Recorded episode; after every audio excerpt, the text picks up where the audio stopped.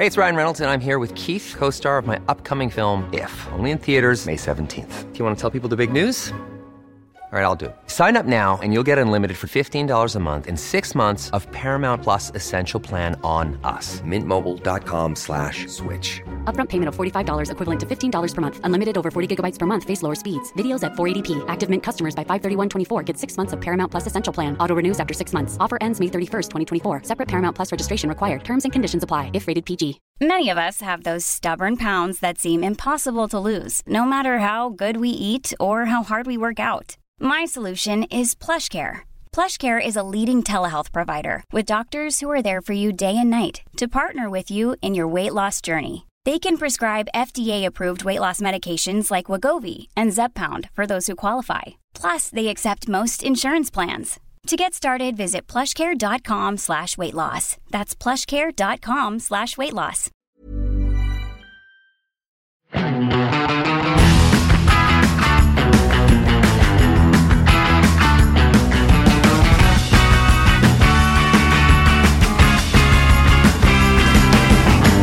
Med meg i studio i dag har jeg en person jeg tror de aller fleste som lytter til denne podkasten har hørt om og fulgt med på. Bjørn Lyran, bedre kjent som Tesla-Bjørn, hjertelig velkommen. Takk skal du ha. Veldig kult at du hadde lyst til å hoppe inn i studio og fortelle litt om hva du eh, driver med. Men jeg, jeg tror også folk kanskje lurer litt på hvordan du begynte med eh, video, og hvordan du kom inn og ble Tesla-Bjørn. Du er jo utdannet eh, dataingeniør og er eh, god på data, vil jeg anta. Ja. Men foto som hobby, det var vel litt sånn man eh, kom inn på det, var det ikke det? ja jeg husker ikke når jeg begynte med det her, det var nok mange år siden.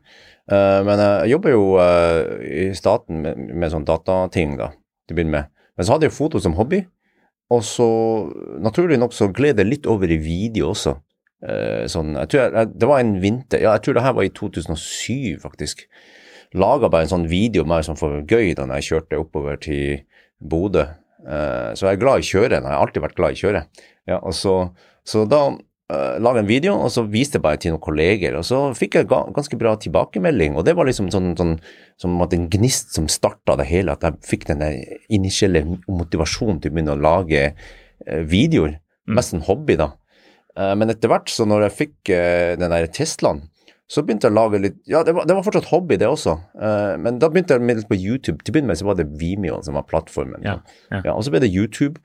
Uh, og så så jeg at på den tida så var det ikke så mange som laga videoer om Tesla, og det var mange som var interessert i ja, hvordan fungerer den og med rekkevidde og lading og vinter. Det var mye sånne, mye sånne myter om ah, elbilene, de der, det går ikke så bra. Det, og bakhjulstrekk, nei, det, de vil havne i grøfta. Sånn, så jeg brukte bare den tror nok den Teslaen da i 2013, eh, Model S-en, den hadde jo utrolig bra rekkevidde på den tida.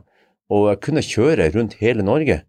Eh, spesielt opp til Trondheim og Bergen, Stavanger, på supercharger. Og bare ja, laga videoer om uh, turene mine da. Og det ble jo sett over hele verden. Mm. Så jeg etter hvert sånn bygd opp en sånn der følgeskare der. Ja. Så, men så etter hvert fra 2016 så begynte jeg etter hvert å, også å teste andre elbiler. Begynte med litt sånn litt IT og noe Leaf og diverse. Så, så, så i dag så er det jo alt som er elektrisk må liksom testes. Ja, ja, Så det er egentlig jobben din nå, å teste biler og lage YouTube-videoer? Ja, stemmer. For at på et punkt så Jeg hadde jo den der, eh, den der eh, kontorjobben som sånn Det var jo hovedinntekten og jobben, da, fulltidsjobben, og så var det det der YouTube-greia sånn hobbybasis. Men eh, jeg tror det var rundt i 2017 ca. 17-18 så sa jeg opp den jobben. Det var litt sånn litt rart å bare si opp en sånn trygg hverdag i staten og bare Ja, nå skal jeg begynne med YouTube på fulltid. liksom, Hvordan skal det gå? Hva sa, de, eh, hva sa arbeidsgiveren din da, når, på det møtet da, de, da du fortalte om dette her? Nei, jeg tror det var liksom, det var liksom greit, for det var et slags engasjement som var over. Og det var sånn naturlig ja, å bare slutte med det, da. Mm. Ja. Og nå har du 300 000 uh, subscribers på YouTube.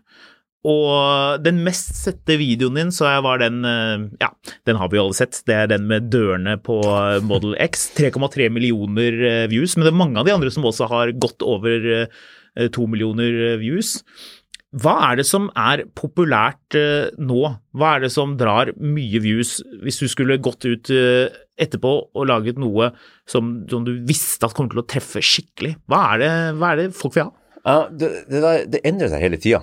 Altså uh, det, Dere som driver med sånne eh, medier, det, det, er sånn. Det er hele tiden sånn trend her og der. og Det er helt umulig å vite hva som eh, er trend som, som kommer til å være. da. Så ah, faktisk akkurat nå vet jeg ikke helt hva det er som som, som liksom slår an, da.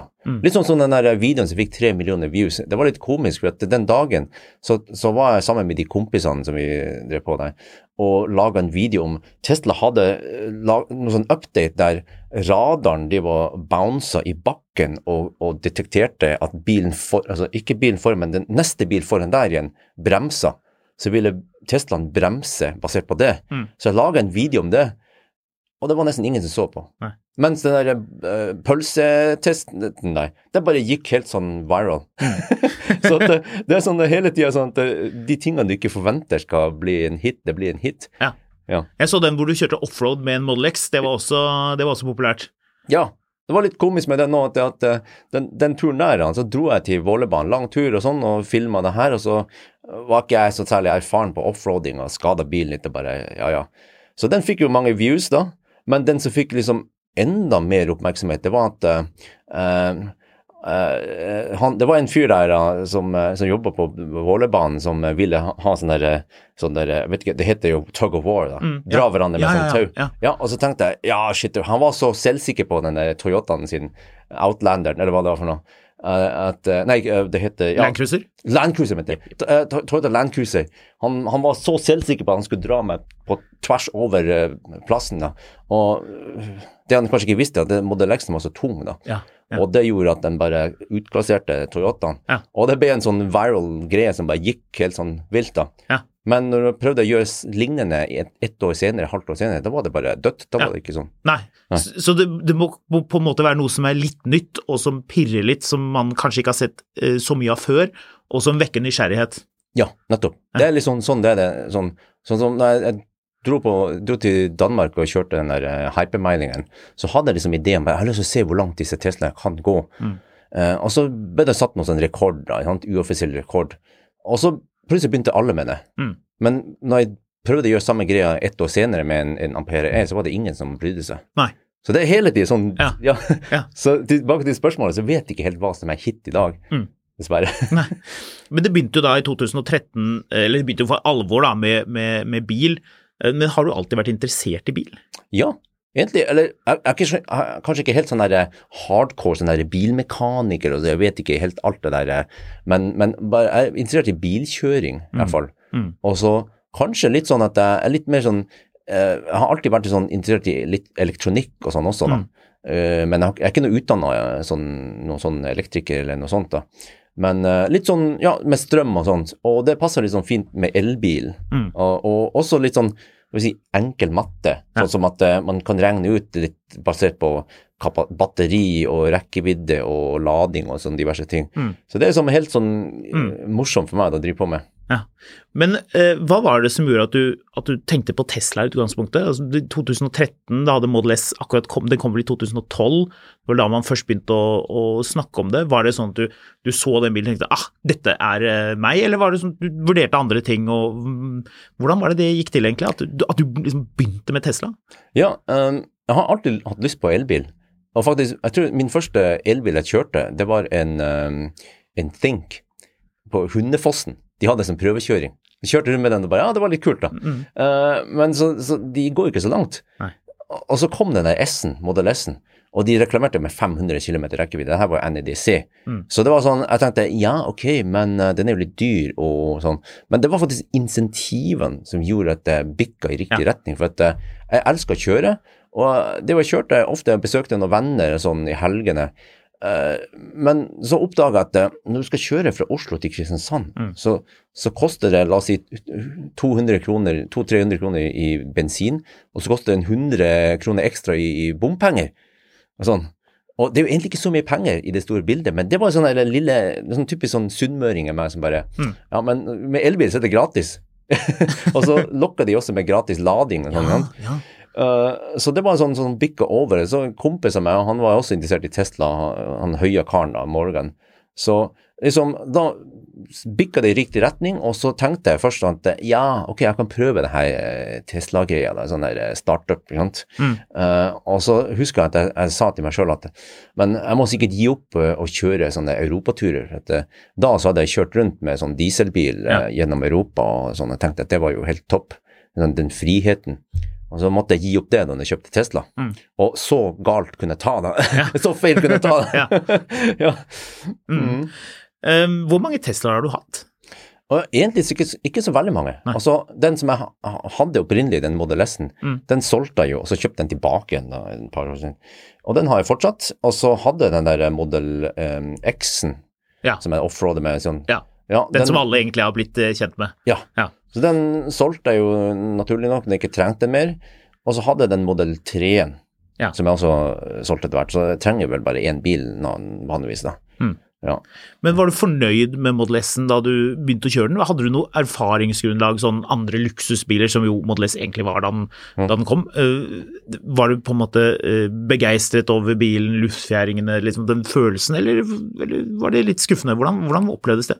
Uh, Jeg hadde egentlig ikke vært borti noe særlig sånne såkalte luksusbiler. Sånn, uh, hadde jeg hatt det, f.eks. hadde jeg kjørt sånn ordentlig luksusbil, for det her er også en ting da folk kaller dem for luksusbil, men de, jeg, Tesla kaller ikke dem for luksus heller, de sier sånn premium sedan.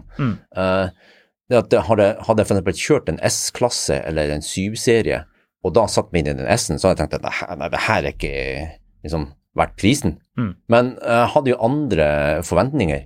Og jeg tenkte at eh, som en elbil, så var den Jeg visste egentlig ikke hvor bra den var, nemlig, på den tida. Mm. Men uh, nå vet jeg i dag at eh, den der var helt sånn klasseledende. Da. Ja. Men ok, komforten var ikke den beste, støydemping var ikke den beste, og interiøret var litt sånn, egentlig litt, litt for simpelt. Ja. Mangler eksempel eh, sånne der, eh, lommer i dørene. Ja, og ja, ja. Og sånn. Så uh, si, kontra biler i dag, så kommer, så, så kommer den litt sånn kort, da. Mm. Men i forhold til den tida, så var den faktisk eh, veldig bra. Og det jeg var også var imponert over, det var at eh, det fungerte så strøm, sømløst, det der med supercharging, og også det der eh, Ok, den hadde jo luftdemping som man kunne heve, senke, og den hadde også på den tida sånn smart uh, luftgjerde, den, den huska hvor du var hen. Ja, stemmer det. Ja. sånn. Så, så det var, den hadde mye sånne kule funksjoner Mm. som kanskje ikke vanlige elbiler hadde. Mm. Mm. Eller andre biler også. Ja. Hva er det som du, som, som du syns imponerer med Tesla i dag? Ja. Um, det er det at uh, de, altså, uh, de lager egentlig utrolig bra elbiler. Mange vet ikke om det her. Altså, uh, hver gang jeg sier noe sånn, så blir jeg ofte kritisert for at ja, men du heter jo Tesla-Bjørn, og Tesla har betalt deg, og du er sponsa Tesla. De sier mye rart som ikke stemmer. Uh, for at jeg har jo deltatt i referral-program, eller sånn, det heter referral-program da. Ja. Og det, jeg deltar jo på lik linje med alle andre. Jeg har en like premiss Eller kanskje ikke like, men så, jeg har en stor kanal, men jeg følger fortsatt de samme reglene som alle andre som deltar, gjør. Ja, Hva betyr det at noen kan, kan trykke på den linken som da øh, du øh, har, og så, og så kan man kjøpe en bil med at den er referert av deg, da? Ja, Ja. stemmer. Det, er sånn, det finnes jo overalt på, på Uber og alle disse her, så har du alltid et sånt referral-link. Ja. Du belønnes for å hjelpe den, den plattformen. Og sånn er det med Tesla også. Mm. Uh, og, og, så, så siden jeg har en stor følgeskare, så er det jo naturlig nok mange som bruker den linken. Mm. Men tilbake til det med Tesla, da. Det at eh, har over, gjennom årene så har jeg testa så mange elbiler, og jeg har kommet fram til at uh, Tesla de lager faktisk de desidert beste elbilene. Altså, Når du ser på det, altså, elbil, motor, batteri og kjølesystemet, alt sammen. Altså gang på gang eh, så når jeg, jeg bruker disse her verktøyene, sånn, sånn som um, Scan My Tesla og Carscanner, som går inn i Du kobler det på OBD-porten Ja. og får ut sånn batteritemperatur og uh, alt mulig sånn masse verdier der. Og så når jeg drar på de turene, og når det skjer et eller annet, da, eller sånn, så ofte så får du nemlig svarene ut ifra det som du leser i dataene. Da. Mm. Og da, basert på det så har jeg funnet at Tesla de, de har virkelig altså, de har ikke, de har ikke hvilt på laurbærbladene sine. De har utvikla bilene. Og den der Model S-en som jeg har, som er ti år gammel, Mm. den, er, den er ikke langt så nær så god som en bare sånn splitter ny Model 3 du kjøper i dag. Så de har virkelig bare, Ja. altså, de har bare gjort den bedre og bedre, bedre, mer effektiv, bedre kjøling. Alt er liksom blitt bedre på den. Og støydemping også. Og, og understell og interiør og sånn. Så det er det som mange kanskje ikke ser, for de ser en Teslaen, og så hører de mye rart om Elon Musk. Ok, greit nok, men han er jo bare en person i systemet. Han, altså, noen, noen assosierer han med Tesla, mm. men Tesla er jo noe gigantisk. Mm. Og de har virkelig jobba for å lage de bilene bra. Mm. Så, så, det er det at uh, uh, Hva var, for, hva var opprinnelige spørsmålet? Det var, det var, egentlig hva det var som, som, som, gjorde at du var imponert over Tesla, ja. eller hva, hva som Om det var hva som var bra, da. Ja, nettopp. nettopp. Altså, det er det at eh, de har jobba med å få den effektiv. Mm. Det er en ting som, som etter hvert har blitt ganske kjent nå, at Tesla generelt er supereffektiv. Og det mener jeg er en, en, en ting som alle bilprodusenter bør, bør, tilstrebe seg mot. For at med effektive biler så slipper du å ha så stort batteri. Den blir ikke så tung, den blir ikke så dyr. Det blir bedre handling. Blir, du trenger ikke å skryte av så høy ladehastighet. Du trenger ikke betale så mye for strømmen. Mm. sånne ting. Uh, og det har Tesla klart å gjøre bra, men det er ikke bare det. De, de har det der oktavalv, det der uh, systemet, varmepumpesystemet deres er helt genialt. Den er, den er sånn i en helt annen verden i forhold til andre bilprodusenter. Hvordan de flytter varme og gjenvinner ting og sånn. Uh, men også det her uh, Det her har ikke jeg fulgt så mye med, men det er gigacastinga til de istedenfor Denne produksjonen deres, de, de, har gjort det sånn at de bare lager én svær del istedenfor å ha 500 deler som du må sveise sammen, og, og også hvordan de hele tida forbedrer ting. De venter ikke til en ny årskull, de bare forbedrer det. Jeg la merke til når jeg skulle bare sette på en sånn der solskjerm på denne taket på en modell 3-en. Så plutselig, når jeg fikk lånt en annen bil fra Markus Bil, så passer ikke den. De hadde bare endra formen lite grann. Og de gjør hele tida endringer så hver gang jeg låner en ny bil hos Markus, så legger jeg merke til hæ, plutselig så er den der eh, spyledysen på en litt annen posisjon. Mm. og sånn. Så det er sånn, og, og, ikke bare det, men softwaren til Tesla og den appen er jo bare helt fenomenal hvor stabil den er. Og de legger på nye funksjoner hele tida. Sånn som at du kan endre på antall ampere når du lader. Du kan sette i gang softwaren, software update. Uh, og i bilen så har du disse sånn som camp mode og de her, som egentlig du tenker ja, har det noe å si? Jo, men når du en dag sitter der med kona eller bikkja, så bare å ja, eller så det er helt sånn genialt. Og også det de hele tida forbedrer softwaren.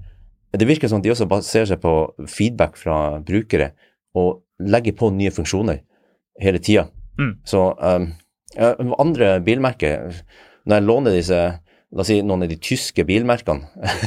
så er det sånn at uh, jeg setter meg inn i den bilen, jeg skal ikke si noe navn, men jeg setter meg inn i den. da, altså det, Så har det gått to-tre år siden jeg satte meg inn i den forrige gang. Mm. Uh, og det er sånn, alt er likt. Softwaren er likt, det er ingen forbedringer. Hardware, alt mulig dører og alt er liksom likt som før. Og så tenker jeg ja, de tyskerne de tenker kanskje ikke helt sånn, da. Mm. De, de, de, tror kanskje at den bilen er perfekt for å begynne, men uh, det finnes jo masse forbedringspotensial der også. Ja, og at de uh, Tradisjonelt så har man jo pleid å samle, hvis det ikke har vært liksom kritiske ting eller, eller uh, forbedringer som, som, har vært um, Ja, som det har hastet med, så har man jo ofte ventet med det til det har kommet en såkalt facelift. da. Ja. Og Det er jo interessant å se at det er en forskjell her, men jeg bare lurte på det med det referral-programmet. Hva var det du fikk ut av det til slutt? Ja, det har blitt en del runder der, da. Mm. Og så, eh, jo, de hadde noen premier. Så Før så var det sånn at uh, de hadde noen uh, fine premier. Og jeg var jo så heldig at jeg fikk en, en Den der Model X-en som jeg hadde, det var en sånn referral-premie. Ja, Du Først, fikk den? Ja. ja. Og sånn. det er jo helt vilt. Ja, det var helt vilt. ja. Så, så, det var den, og så etter hvert så For det var sånn førstemann til Man måtte ha ti referrals, og førstemann til ti fikk den bilen i, i, hver sånn region. da, Det var Europa, og så var det USA, og så var det vel Asia og Australia. Sånn. Ja. Så da fikk jeg den Teslaen etter hvert. Det var, jo, det var jeg utrolig heldig med. Og så etter hvert så endret de på det sånn at eh, de måtte ha de som fikk flest referrals. Uh, så det var en sånn, ja Noen hadde egentlig flere hundre, da, to-tre-hundre referrals. Mm. Og da stakk jeg av med den også. for den hadde flest referrals. Ja. Så da ble det en, en Model S som jeg vant også. Ja. Så to biler har du vunnet uh, ved, å, ved, å, referere til uh, ja. ja. Men så er vi tilbake til Elon Time, da. Oh, ja. Det at uh, har vi altså egentlig vunnet to Roadster, for de hadde også en runde med noe der. Ja. Så de har vært egentlig ganske sjenerøse før i tida, i hvert fall, Tesla. Men eh, det var jo uff, jeg husker når det var, jeg lurer på om det var i 2016-2017 en gang at eh, det ble kjent at vi skulle få to Roadster. Ja. Men uh, selv i dag så vet vi ikke helt hvor det blir av Roadsterne. Nei, det, det, det virker som det tar litt uh, tid, dette greiene. Hva tror du om uh, Cybertrucka? Den, den er litt for stor for Europa, da. Mm. Men den blir nok en hit i, i, i um, USA. Ja, du tror det? Ja. Ja. Og faktisk, thaierne, de er også ganske sånn så, ja, Hvis du noen gang har vært i Thailand, så vil jeg si at det er en sånn pickup-land. Ja, det er veldig pickup-land, men litt mindre pickuper, egentlig. Ja, de det er er sånn Isuzu-greier, eh, ja. Stemmer. Det er litt mindre, for der er gatene litt trangere og sånn, eh, og prisen, eh, prisen er kanskje det er viktig der òg. ja. Så du finner ikke de gigantiske truckene som du har i USA. Mm. Men jo, altså Cybertruck, den, den, den er jo så spesiell, og den er jo så unik, da. Så jeg tror nok den vil slå an i Europa, men det jeg har hørt at det, kommer en, en sånn, sånn miniversjon for å kunne passe inn i europeiske ja. Er det det, ligger det på trappene? og, og lurer på om det blir for tung også. Ja. Så folk, folk kan ikke begynne å ta C-lappen for å kunne kjøre den. Nei. Eh, I USA det er kanskje, jeg vet ikke om det er forskjellig der, men her så blir den jo, hvis det er mer enn 3,5 tonn og sånn totalvekt, så må du jo opp med C, C, C1 og sånn. Men drar du bort til USA og tester den der, da? Eh, uh, jeg vet ikke helt. Altså, jeg har ikke hatt muligheten til å dra dit. Uh, så, ja, først var det covid som var litt sånn hindringen. Nå er det litt mer sånn familie, baby på ett år nå, så Men egentlig, jo, på sikt så, så hadde det vært fint å kunne dratt over dit på en, en, en jobb slash eh, ferietur Mm. for å teste ting. Ja, sjekke litt uh, forskjellige ting. Ja. Det, er jo, det er jo noen andre biler man kan kjøre der borte uh, som vi ikke har her. Rivian og Nettopp. Lucid har vi jo i og for seg her, men uh, ja, flere av dem der borte. Mm. Mm. Um, jeg lurer litt grann på dette forholdet til, til Markus bil. Det er jo egentlig en, en slags bruktbilforretning som selger mye i kommisjon. Men du, for du sier at du, du låner bilene av dem. Men jeg tipper folk lurer litt. Grann. Hva, er, eh, hva er greia der? Låner du ikke bilen av Tesla, altså en pressebil eller en eh, demobil? Hvordan, hvordan funker det? Ja, godt spørsmål. Eh, til tider så har det vært litt tynt med pressebiler hos Tesla. Og, og dermed så, Jeg har lånt noen, men det er litt få ganger. Jeg har lånt noen pressebiler der. Men uh, jeg ender gjerne opp med Markus i stedet. Mm. For han har gjerne disse Teslaene klare. Og ja, sånn at jeg har jo tett samarbeid med Markus. Så, så ofte så ender det opp at jeg låner bil av han i stedet. Og pluss at uh, ofte sånn vanlig sånn der uh, vanlig sånn regel for mange da, produsenter og importører, det er at du låner den i en uke om gangen. Ja. Mens hos Markus så har jeg litt mer frihet. Jeg kan gjerne låne den i to-tre uker og ja, dra på langtur og sove i bilen og alt mulig sånt. Ja. Så, så derfor så blir det gjerne at jeg låner hos han. Og Ja. han, han vil jo gjerne at jeg skal låne hos han òg, for han får jo den promoteringen av sin eh, Ja. business. Ja, og Tesla de kommer ikke og sier hei, du kutt ut han bruktbilkissen, ta og kjør bilen hos oss isteden. Nei, fordi at uh, egentlig, på sett og vis, eh, Tesla får promotert Tesla. Mm.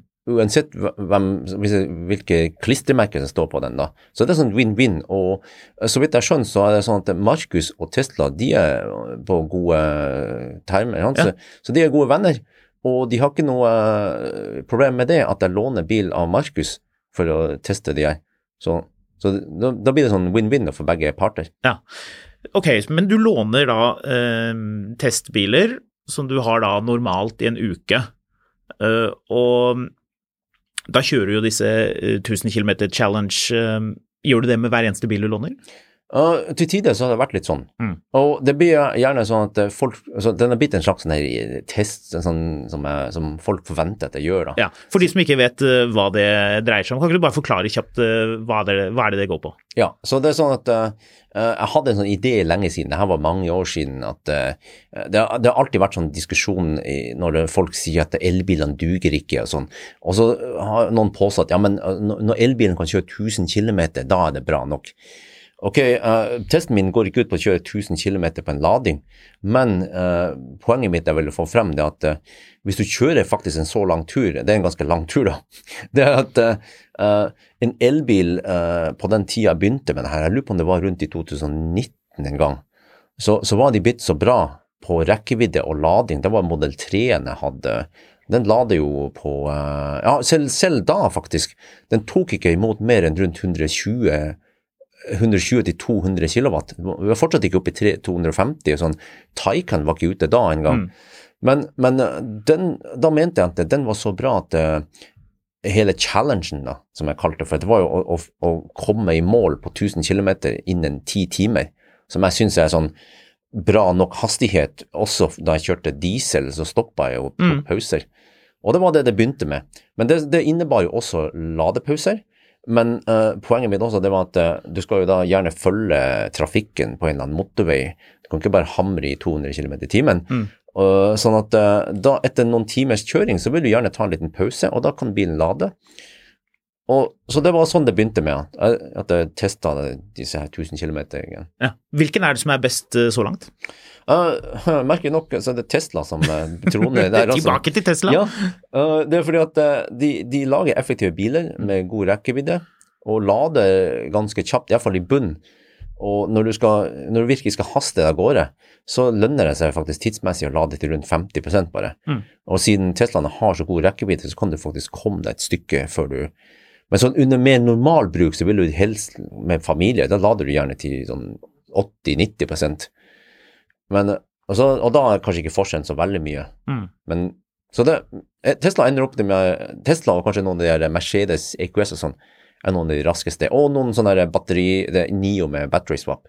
Ok, ja, selvfølgelig. Ja, for det går jo veldig fort. Men mm. da rekker man jo ikke å spise burger og slappe av, da. Nei, det som problemet er at du må være i bilen. De har ikke konstruert eh, systemet sånn at du kan gå ut av bilen. Og da ender det opp med at du bruker syv minutter på å vente på at den bytter. Ja. Eller fem minutter. Og, og, så ender det opp med at du, du parkerer bilen utenfor bensinstasjonen og kjøper noe. Ja. Vi må definitivt snakke om uh, de andre merkene, for det er jo på en måte litt sånn Tesla og de andre merkene. Men uh, jeg lurer, er det noe Hva med Tesla er det du ikke liker? Um, ja, uh, det der fantombremsegreia. Ja, det har det vært mye prat om. Ja. Til tider så driver han og bremser helt sånn uten noen grunn. Så det er litt uh, irriterende. Og så blant annet uh, den, Kartene klarer de ikke. For at bilen baserer seg på vision, og den er basert på det en ser, og baserer seg på kart. Og den har alltid vært sånn at uh, den kartet er litt, litt, for dominerende. Så når jeg kjører på de her Jeg tror selv i dag, når jeg kjører E6 mot Hamar, forbi der mot Brumunddal, så driver han hele tiden bremser ned på 110-sonen til sånn han tror at det er 40-sone. Sånn. Ja, det ja. gjør jo Mercedesen også, stemmer det? Ja, men Mercedesen gjør det mye langt mindre grad. Ok, ja. ja og når jeg kjørt Mercedes, så klarer jeg noe Som regel, den skjønner Altså, den prioriterer det en ser. Ja. Mens Teslaen blir sånn at uh, den ser jo at det er fin motorvei og sånn, mm. men uh, kartet de vil overstyre, så de må slakke ned. Det, det, er ikke sånn den, den bråbremser ikke, mm. men du får en sånn nedslakking som er irriterende. Ja. ja. Og, så, og så har også det her um, Tesla har jo begynt med det der Tesla Vision. De skal ta bort rader og det her. Ja. Det har vært frem og tilbake. Ja. Og så har de gjort om sånn at nå når du bruker, eh, når du bruker uh, autopilot, så, så driver man og uh, tvinger på det her auto high beam, som ikke er like i noen biler, mm. annet enn de som har matrix-lys. Ja. Så den, for de vil hele tiden gå av og på litt sånn feil i feil tid. Men også selv matrix-lys har jeg ofte opplevd at det, den lyser litt for lenge, sånn som Volvo og Polestar, og da får jeg noe flash mot meg da, fra noen trucks og sånn. Men så, så, derfor så liker jeg ikke helt det der systemet til Tesla, at den, den kommer med auto-high beam på når du skal ha autopilot på natterstid. Okay, ja. Men det finnes heldigvis noen uh, si, hacks eller workarounds. Du kan bruke den der, en sånn sexy button-greie. Uh, du plugger i sånn i OBD-porten med ja. en sånn knapp. Ja der du kan bruke disse knappene til hva som helst, eh, slå på lysene og sånne ting. Og så, du, og så har de laga en smart funksjon som overrider den derre Og da går det på low beam, selv om at du har på den.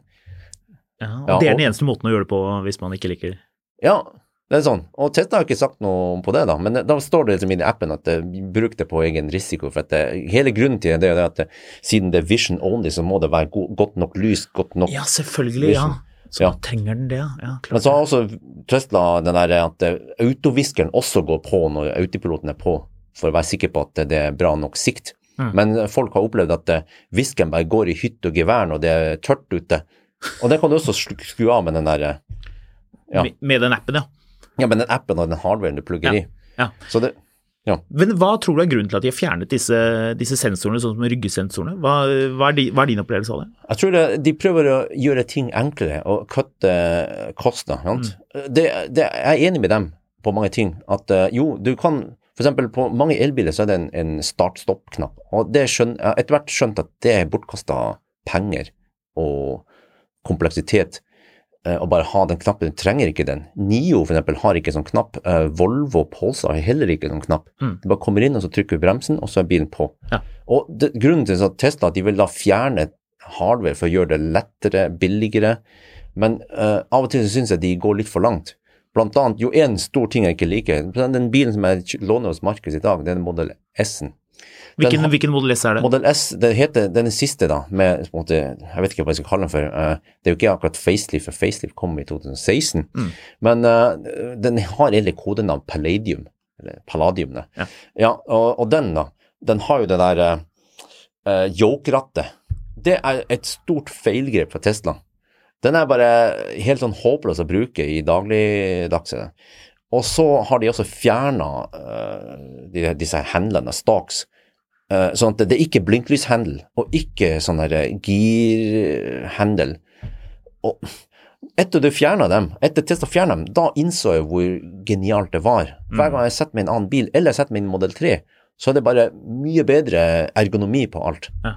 Så, og de har bare flytta ting på skjermen, og disse knappene på det rattet fungerer ikke noe bra. Jeg, blir- jeg trykker feil hele tida på den, og når du har rotert rattet i en rundkjøring, så er det opp ned, så bare Så det er sånne ting som egentlig Jeg syns at det er så si, så fatal feil at Tesla burde gå tilbake til det, det, det, det opprinnelige. Så, så mye feil. Men for eksempel når, når jeg testa en Leaf, så husker jeg at eh, folk likte på gamle Leafen at eh, det var sånn digital speedometer, og så begynte Nissan med sånn her, eh, sånn analog speedometer, og det likte ikke folk. Men så kom de vel tilbake til det på Arian, heldigvis. Men det er sånn, en sånn minor ting som du kan leve med, men det der rattet og det der handlene, hendene, det er såpass sånn, sånn, sånn fysisk greie at det, det gjør faktisk at du kjører dårligere i en rundkjøring. Du får ikke blinka ordentlig, du får ikke gjort rattbevegelsen riktig. Mm. Så det er det noe som Tesla burde ta til seg og prøve å forandre. For jeg mener i hvert fall at eh, hvis ikke de endrer det, så kommer de til å tape kunder. Mm. Så Tror du de kommer til å endre på det? Um, vanskelig å si, for vi har hørt noe om det der Project Highland, ny sånn Model 3-refresh, og der virker det som at de har fjerna handlene. Ok, der også, ja. Ja, Mm. og det mener jeg at det er et feilsteg. Ok, Interessant. Ja, det blir spennende å se hvor den Vi vet vel ikke så mye om når den kommer, det er jo ikke sagt noe. Men man har jo sett litt sånn bilder av biler med litt sånn tøy på seg og litt skjult. Vet du, eh, vet du noe mer om det? Antakelser om når den kommer? Nei. Uh, dere, noen tror at jeg har sånn inside-info, men jeg vet ikke mer enn andre folk vet. Men basert på det jeg har hørt, uh, at Tesla prøver å kvitte seg med inventorbiler, så kan det virke som at de gjør klar til å uh, tømme lageret og få inn disse nye. Mm. Så kanskje det skjer ting allerede til senhøsten. Mm. Ja, kanskje. Det blir, eh, det blir spennende å se. Many of us have those stubborn pounds that seem impossible to lose, no matter how good we eat or how hard we work out. My solution is PlushCare.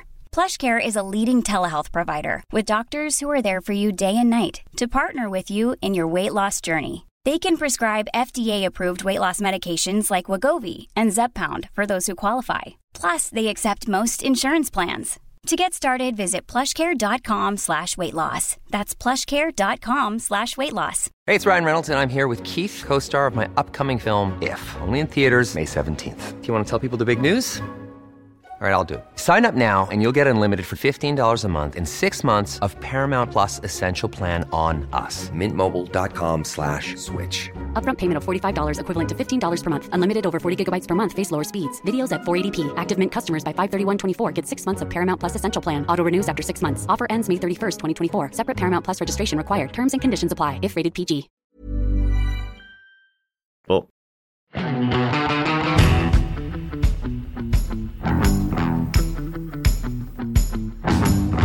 Men du kjører jo mye annet, det har vi jo vært innom. Hva, hvis vi ser vekk fra Tesla, eh, hvem syns du eh, lager de beste elbilene? Uh, vanskelig å si.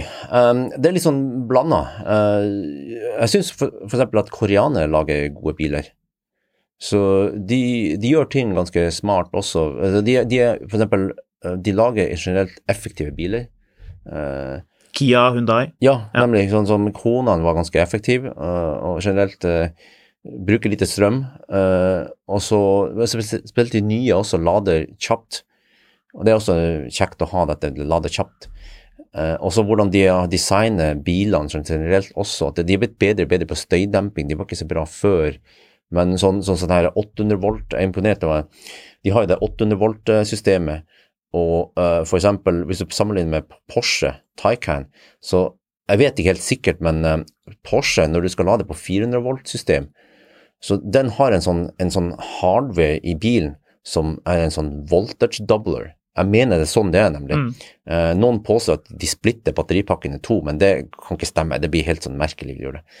Men Porsche har det, da. Voltage doubler, som egentlig er litt uh, dumt, fordi at uh, det, blir, det, blir, alltid en dobling av uh, den der pack voltagen, spenningen på batteripakken, og det, det, vil ende opp at du kanskje på en 50 kW-lader får bare rundt 35 kW. Mens, og, det, og det er en ekstra hardware-ting som du må ha. Uh, mens uh, de her koreanerne, det virker som at Jo, jeg snakka med dem. De bruker nemlig en del av det her invertersystemet som er til motoren, til bakmotoren. Og det er sånn, sånn, det er sånn, sånn Tesla også lignende gjør, da. At du bruker allerede eksisterende hardware til å gjøre noe annet, du gir en annen funksjon. Så det er den som tar seg konverteringa fra 400 volt til 800 volt. Og den har ikke en sånn fixed rate, den har ikke sånn fixed rate, den, den kan nemlig variere så den spør hele tiden om 450 volt, og så transformerer den opp til 650 eller 700 den trenger. Mm. Og det er bare sånn, det er genialt. Det er sånn som Tesla, at eh, de har da de bruker jo De har ikke batterivarme lenger. De kutter bort den, så har de funnet en måte å generere varme fra motoren og faktisk mange andre komponenter. Og da gjør du bilen lettere, billigere, mindre ting som kan ryke. Men også, ja, så, så de, tilbake til koreanerne. De syns jeg generelt designer bilene bra. Sikkert derfor de også har vunnet mange priser. Mm. Men det er også noen merkelige ting de har gjort oh, ja. som jeg ikke er imponert over. Hva da for noe? For eksempel at uh, uh, når du har, du har, Jeg tror du har én AC-kompressor til å kjøle batteri og kjøle kabin. Og når den går i en slags splitt-modus der den skal kjøle både batteriet og uh, kabin, så virker det som at den ikke klarer å kjøre det i, i, med høy nok eh, effekt. Kanskje det har noe med at den kompressoren deles og uh, du kan, ikke, du kan ikke ha det iskaldt i kabinen mens batteriet har det passe. Så noe sånt noe. Mm. Og dermed, hvis du, spesielt nå når det er varmt ute, hvis du hurtiglader og du har på AC, eller på vinteren når du har på varmepumpe, så overopphetes batteriet. Å oh ja, sier du det? Mens Teslaen, de, de, har også bare én kompressor, som jeg har skjønt, men de har gjort det på en annen måte. Og uh, jeg har aldri merka det her før når jeg har kjørt Tesla. Selv nede i Europa når det er varmt og er superlader, så, så blir det ikke overoppheting av batteriet, og lader ikke saktere. Men det de gjør, det er at de prioriterer eh, batterikjøling, og da blir bare kjølingen i kabinen litt dårligere. Mm. Så det er en annen produsent som gjør det, det jeg har oppdaga, det er MG4. Hva sier du det? Ja, da var det sånn det, det, var litt sånn dårlig kjøling i kabinen mens du hurtiglada, men det gjorde ikke så mye, for det, ladingen gikk jo kjapt, og, så, mm. og du fikk fortsatt litt sånn, litt sånn omgivelsesluft inn uansett. Mm. Så, så, men ja, så, så det er ikke Men det finnes jo andre bilprodusenter som jeg syns også er bra, f.eks. Mercedes er utrolig imponert over hvor behagelig den er mm. uh, å lade kjapt, og mange av de bruker så lite strøm. Ja. Så alle elbiler som bruker lite strøm, de får sånn pluss i boka ja. av meg. Hvilke er det som bruker mye strøm? Oh, um, dessverre en av de mest populære elbilene i Norge. Jeg tror jeg vet hva du skal si. Ja, Audi E-tron. Nettopp. Ja, jeg kaller den for Fat E-tron. Mm. men i alle fall, den bruker mye strøm. Og uh, litt sånn skuffende at uh, ja, Audi ikke har jobba litt mer med å få ned strømforbruket. Mm. For som jeg nevnte innledningsvis, at uh, lavt strømforbruk gir mange fordeler. Mm. Men ladingen er bra, er den ikke det? Ja. ja. Altså, saken er at ladingen er bra. Den lader på 150 kW, den gamle, da. Ja. Ganske flat. Men det er liksom litt sånn spinninga opp i vinninga, at eh, det er litt sånn luksusfellen at eh, ok, du kan ha høy inntekt, men når du bruker mye penger, så ender det opp med men, det, så, ja, men stort batteri og kjapp lading, det gjør jo at bilen blir dyrere og tyngre og alt sånt. Ja. Men har du kjørt den nye Q8 E-tron? Ja. Ja, den var vel, den var vel litt bedre på, på forbruk? Uh, litt bedre. Jeg tror ikke det, jeg merka nesten ingenting forskjell Nei. der. Så fordelen kommer i at det er enda større batteri på 55-en, da. Ja, det er enda større batteri, men merkelig nok så lader den ikke så kjapt som jeg forventa. Ok, så det var 170 de sa den skulle være Ja. peak-effekt? Ja. Den gamle E-tron, det er sånn at den har ganske flat kurve, sånn den går litt kjappere oppover pga. at spenningen øker. Mens den nye er sånn at den lader i, i kilowatt omtrent like raskt som den gamle. Og så får den 170 sånn Egentlig, de får ikke 170, de får 169 i sånn rundt ett minutt, Mm. og så begynner den å droppe. Ok, sier du det, ja? Sånn at uh, jeg, jeg burde få testa den, der, den nye E-tron 50, som egentlig tilsvarer 55 før. Ja. Uh, kanskje den er billigere og lader må si, like raskt som den gamle. Ja, Så kanskje kanskje det er en sånn deal som er best. Kanskje det er liksom sweet spoten av, av alle de E-tron, Q8 E-tron-modellene. Ja, den får du jo ta så kjøre en tur. Men eh, apropos det med lading, eh, hvilke er det som utmerker seg som, som spesielt bra på, på lading? Fordi eh, mange vet jo at, at dette med lading handler jo ikke bare om det tallet man ser i brosjyren, altså den maksimale effekten man kan levere, men også hva er liksom snitteffekten, hvordan ligger den over tid, hvor fort bygger det seg opp, hvordan ser det ut når man kommer mot slutten, hvis man vil lade til 80 det er jo kanskje ikke så lurt å lade spesielt mye mer enn det. Mm. Er det noen biler som utmerker seg, som du merker at oi, dette var eh, imponerende? Ja, altså um, disse her um, uh, Audi um, uh, E-tron GT da, yep. og uh, Taycan, Ja. de lader kjapt. de lader veldig kjapt. Ja, men de er også litt dyre. Ja. Men litt mer sånn folkelig, eh, faktisk eh, Model 3-en og Y-en lader også imponerende bra. 250 kilowatt Ja. på de med firehjulsdrift. Ja. Ja, og så, men så er det disse koreanske bilene, de som er på den nye EGMP-plattformen. De klarer 220 kW og ganske lenge, faktisk. Og, og selv når du kommer litt opp i eh, prosentene, så lader den fortsatt med sånn rundt 150 kW. Så imponerer det hvor bra de lader. Mm.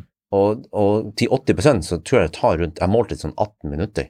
Det er kjapt, altså. Mm. Rekker du så vidt å få burgeren på bordet? Akkurat det. Ja. Og i hvert fall ikke å gå på toalettet. Nei. Nei. Og, men en annen bil som jeg testa nylig, det er MG4. Mm. Den klarer 100 og, ja, ca. 135 kilowatt flatt helt opp til 52 Ja. Og den har jo 64, rundt litt over 60 kWt sånn nettokapasitet. Og da jeg kjørte til Nord-Norge med den, så bare Det var imponerende bra. At en sånn litt mer sånn folkelig pris, eh, at du kan få bra lading på disse også. Mm. Mm. Er det noen som, bortsett fra E-tron som vi har nevnt, er det noen som utmerker seg som eh, ikke spesielt imponerende? Noen av de kinesiske bilene har tross tradisjonelt vært litt dårlige, sånn som Xpeng, iallfall gamle modeller. Nå har vi- G3 og den forrige P7. Ja, kanskje? Ja, G3-en spesielt, fordi at eh, den var bare på Tjademo, og da var det oppe i sånn 45 kilowatt. Ja, og, så den var litt tregt. Uh, også den, den P7-en. Uh, det virker som at i Kina så er liksom ikke ladehastighet så veldig viktig, men i Europa så er det jo viktig, for her har vi masse lynladere. Mm. Så de var litt sånn, også, men også noen av de her, eksempel den eh, E-Niroen, som har eksistert lenge, men nå heter han, Niro EV. nå heter Niro EV. Mm. Uh, 80 kilowatt uh, makseffekt, tror jeg. Ja, stemmer. Ja, du kan mye av det her også. ja, men det var sånn 80 kW, og når den kom ut i sånn slags facelift i, ja, jeg lurer på om det var i år eller i fjor, så testa den og bare? Jeg hadde forventa at det, i, i 2022 så burde den iallfall tatt 150 kW, Mm. men de har ikke gjort noen endringer der. Nei. Og den var Jeg ga den liksom mye pluss. Folk kalte meg for Kia-bjørn i 2019. Ja. For da, på den tida så var E-Niro en bra bil for pengene. Det var, fantes ikke så mange biler med rekkevidde og plass og sånn. Uh, men så har de bare på en måte hvilt på det, og ikke forbedra den eh, på fire år, tre år, fire år. Mm. Og derfor så, i dag så syns jeg at denne E-Niroen ikke, eller Niro EV ikke er noe særlig bra kjøp. de, de har ikke gjort noe med støynivået på den heller, og uh, ja, infotainment er litt sånn traust i forhold til det man finner f.eks. i Polestar eller Tesla. Mm. Så, så, men jo, så det, det finnes noen biler som lader litt tregt, og noen biler som ikke Ja. Ja. Mm. Så det er litt, eh, det er litt forskjell, det, det ser man jo eh, på tallene, og selvfølgelig henger det jo litt sammen med pris, naturligvis. Eh, Det er kanskje ikke så imponerende med Porsche Taycan at den lader kjapt når den koster det den koster, vil vel kanskje noen eh, si. Det er jo heller ikke sånn kjempebra rekkevidde på den. Opplevde du eh, det som eh, Ja, hva tenkte du? Det kommer an på. Mm. For at du kan få Taycan med eh, 19-toms eh, med 235 sånn tynne dekk. Mm. Og da har den faktisk bra effektivitet og rekkevidde. Den går den over 500 km, kanskje enda mer med kommer an på om du kjører de småveiene. Eh, men da ender du opp med en Taycan som kanskje ikke ser ut sånn som folk flest vil spekke den. For de fleste jeg har sett, de har feite felger. 21-tommer. Jeg så eh, en her forleden på, den, så hva er det det bredeste man kan Jeg tror det, den jeg så hadde de bredeste 31, tror det er 315 eller eh, noe der omkring. Ja, over 30 cm bred dekk. Ja. hva, skal man med det egentlig? Men Kjøreegenskaper og sånn, altså, det at det skal se fett ut. Men det stjeler mye rekkevidde, da. Ja, det det gjør. Mm. Og du har testet begge deler. Eh, ja, jeg har vært borti noen med de feite dekkene også, og det merker jeg at det, det er jo som natt og dag, det bare sluker masse rekkevidde. Men det er jo sikkert bra kjørefølelse. Mm.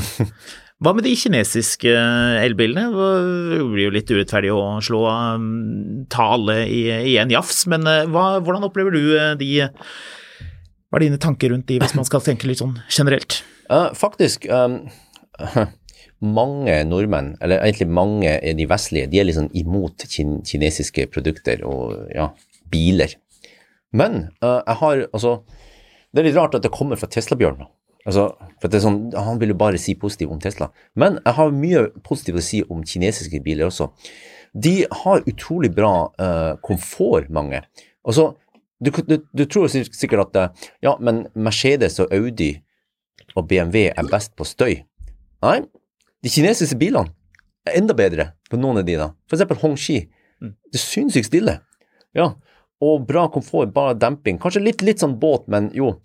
Uh, også god plass, og, og generelt også interiøret ser pent ut på mange av de elbilene. Og jeg har også kjørt en del Nio.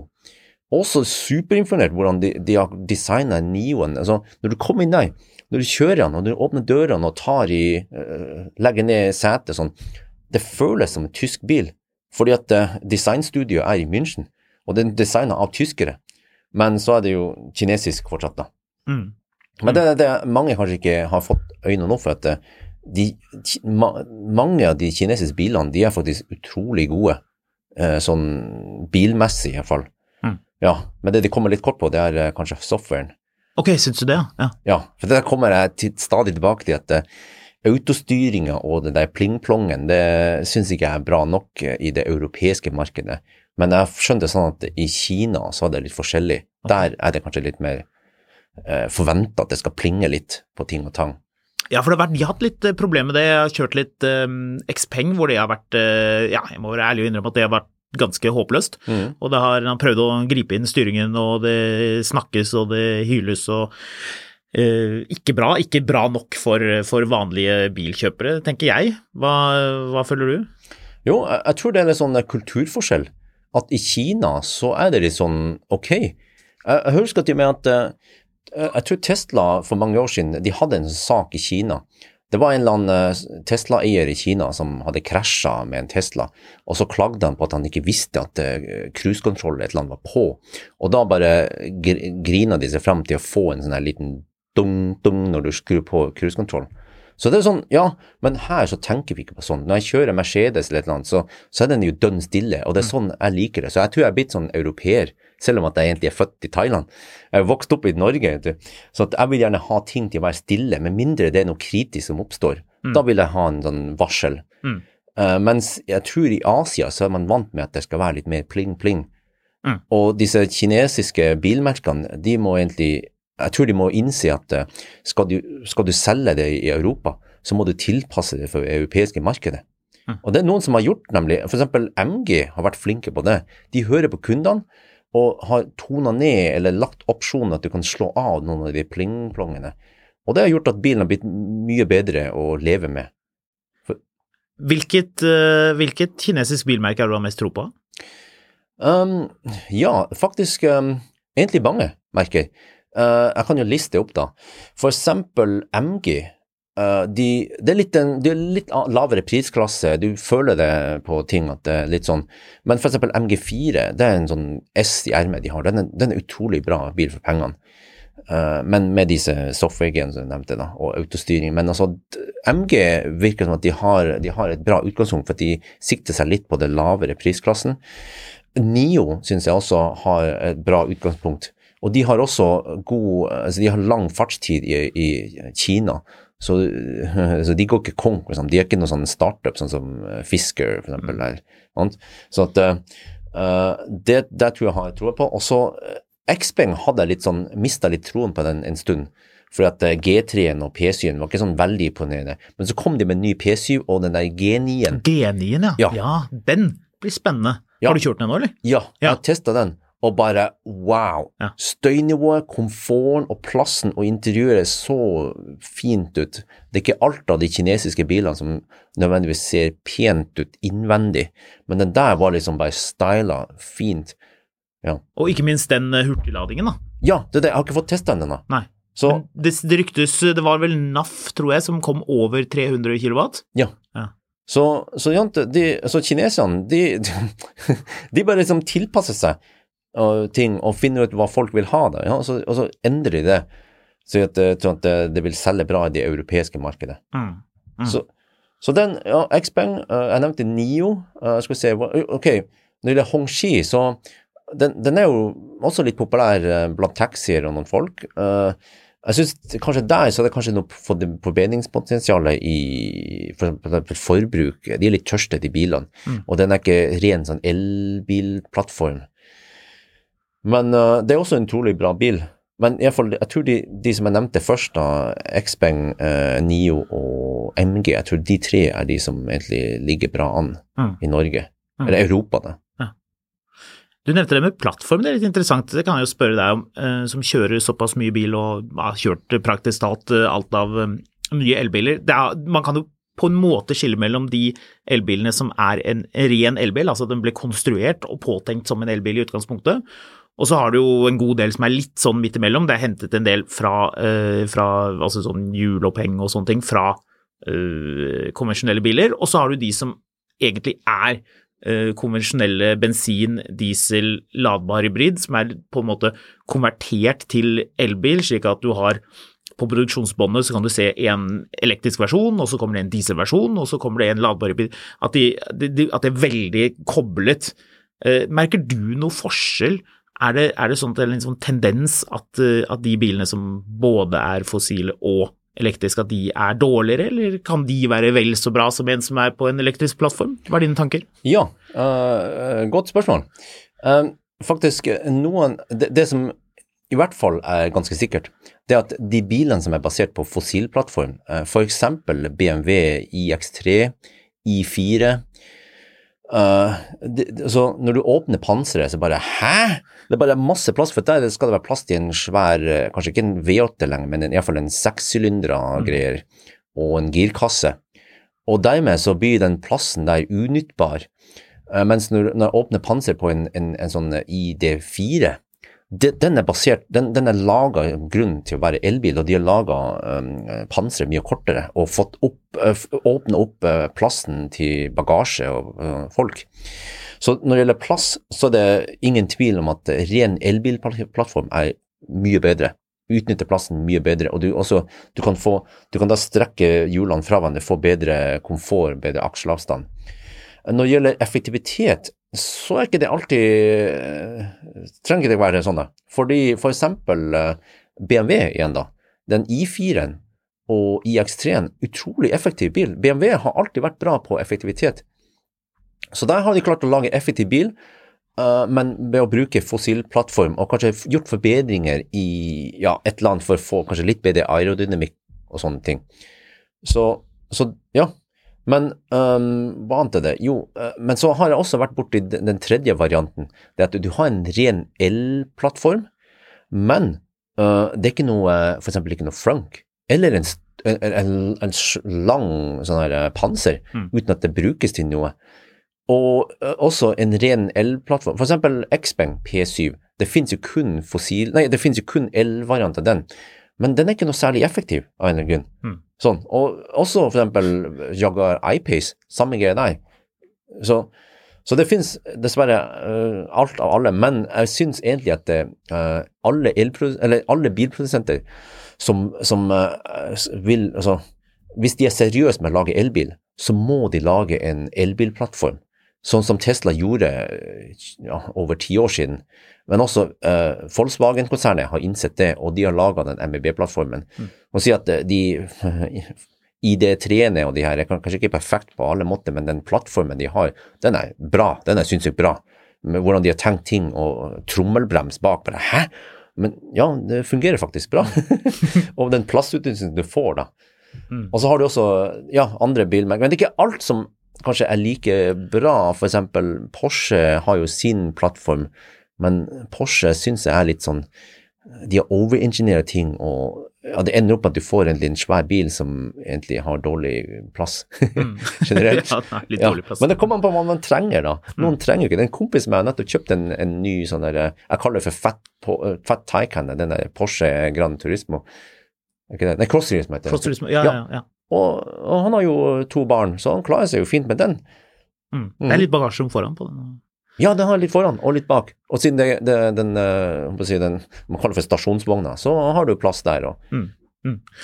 Bjørn, vi nærmer oss uh, slutten. Vi har pratet en god stund. Jeg tenkte jeg til slutt uh, skulle spørre deg, Uh, hvis jeg kunne gitt deg en hvilken som helst elbil som er på markedet nå, du får den av meg, ikke av Tesla, men jeg parkerer den i garasjen din, og så kan du bruke den så mye, så mye du vil.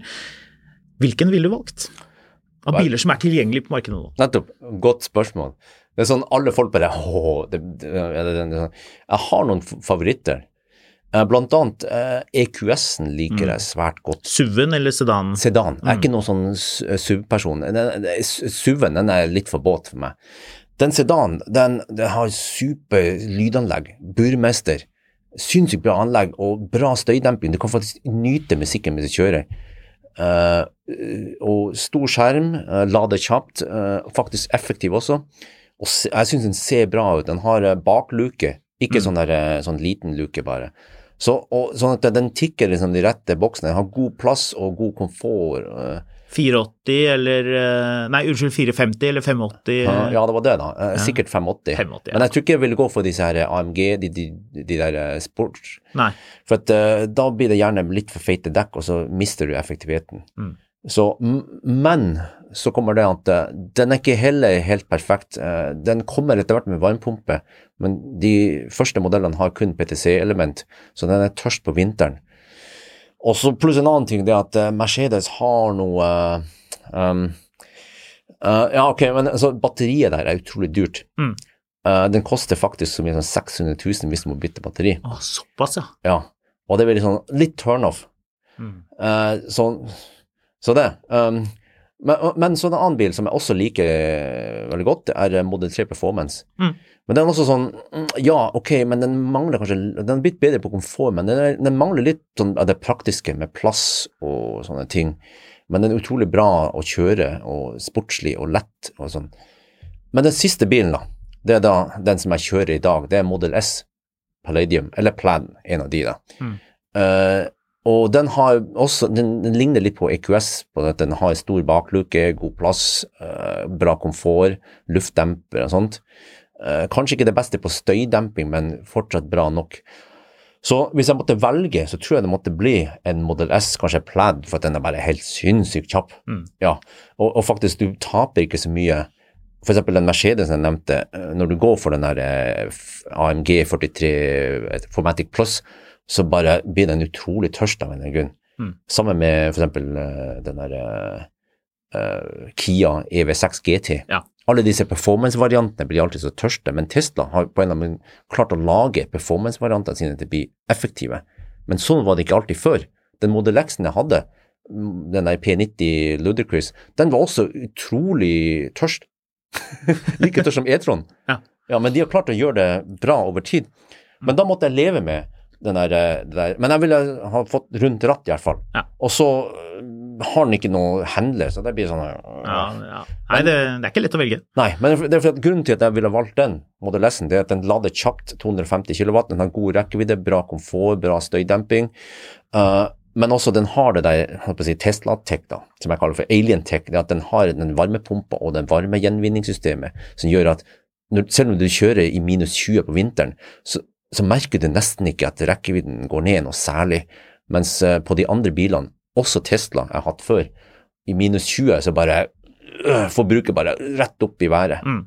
Og rekkevidden ned. Ja, så det, det, blir sånn at den Teslaen der da, som jeg beskrev, den, den, er så bra at den er nesten ingen kompromiss. Du kjører den som om det var en fossilbil mm. når det gjelder rekkevidde og lading og forbruk. Mm. Før jeg slipper deg av sted, så har jeg en siste liten greie, og det er øh, til de som skal kjøpe elbil nå. Har du noen gode tips? Ja, det blir jo det å spørre, eller må, man må spørre seg sjøl hva man trenger. Jeg får ofte spørsmål ja, hvilken bil anbefaler du, men da må jeg nesten vite hvor du har hytte hen, hvor mange unger du har, hvor mange koner du har, og alt mulig sånn hva, du liker, hva du har i hobby. Men folk må spørre seg sjøl hva trenger du, hvor langt trenger du trenger du egentlig så lang rekkevidde, og, og hvor har hytte, det trenger du firehjulstrekk i det hele tatt. For generelt mange biler med, uten firestrekk har kanskje bedre rekkevidde, forbruk. Og, så, så, det blir litt sånn. Og så har folk sine pre, uh, preferanser for merker. Mm. Ja. Så, så, det er det. Man må nesten finne sitt eget merke og sånn. Men jeg, jeg har dessverre ikke noe fasitsvar. Mm.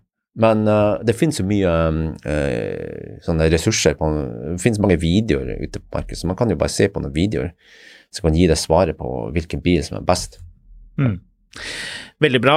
Eh, tusen hjertelig takk for at du kunne komme. Gå på um, YouTube og sjekk ut uh, Tesla-Bjørn. Der er det masse spennende videoer, eh, og det dukker stadig opp nye ting. Det er gøy. En uh, YouTube-kanal med mye aktivitet. Er det på sosiale medier? Hvor finner man deg? Nei, det blir stort sett på YouTube. Jeg har ja. også en, en Facebook-side, men den er ikke så veldig aktiv. Nei. Jeg har funnet ut at Facebook er en sånn stor tidstyv. Ok, så det, blir, det er YouTube som gjelder. Ja. ja, men det veldig bra. Tusen hjertelig takk.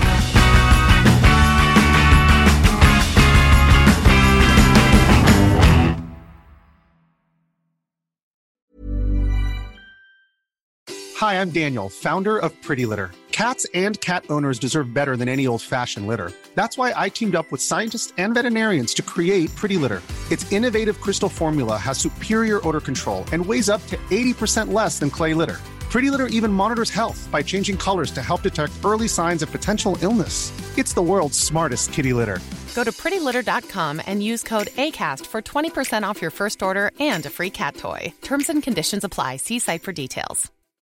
When you need mealtime inspiration, it's worth shopping Kroger, where you'll find over 30,000 mouth-watering choices that excite your inner foodie. And no matter what tasty choice you make, you'll enjoy our everyday low prices, plus extra ways to save, like digital coupons worth over $600 each week. You can also save up to $1 off per gallon at the pump with fuel points. More savings and more inspiring flavors make shopping Kroger worth it every time. Kroger, fresh for everyone. Fuel restrictions apply. Mil etter mil, en podkast om bil, er en podkast fra Finansavisen. Programledere er Håkon Sæbø og David Kordal Andersen. Produsent er Lars Brenden Skram.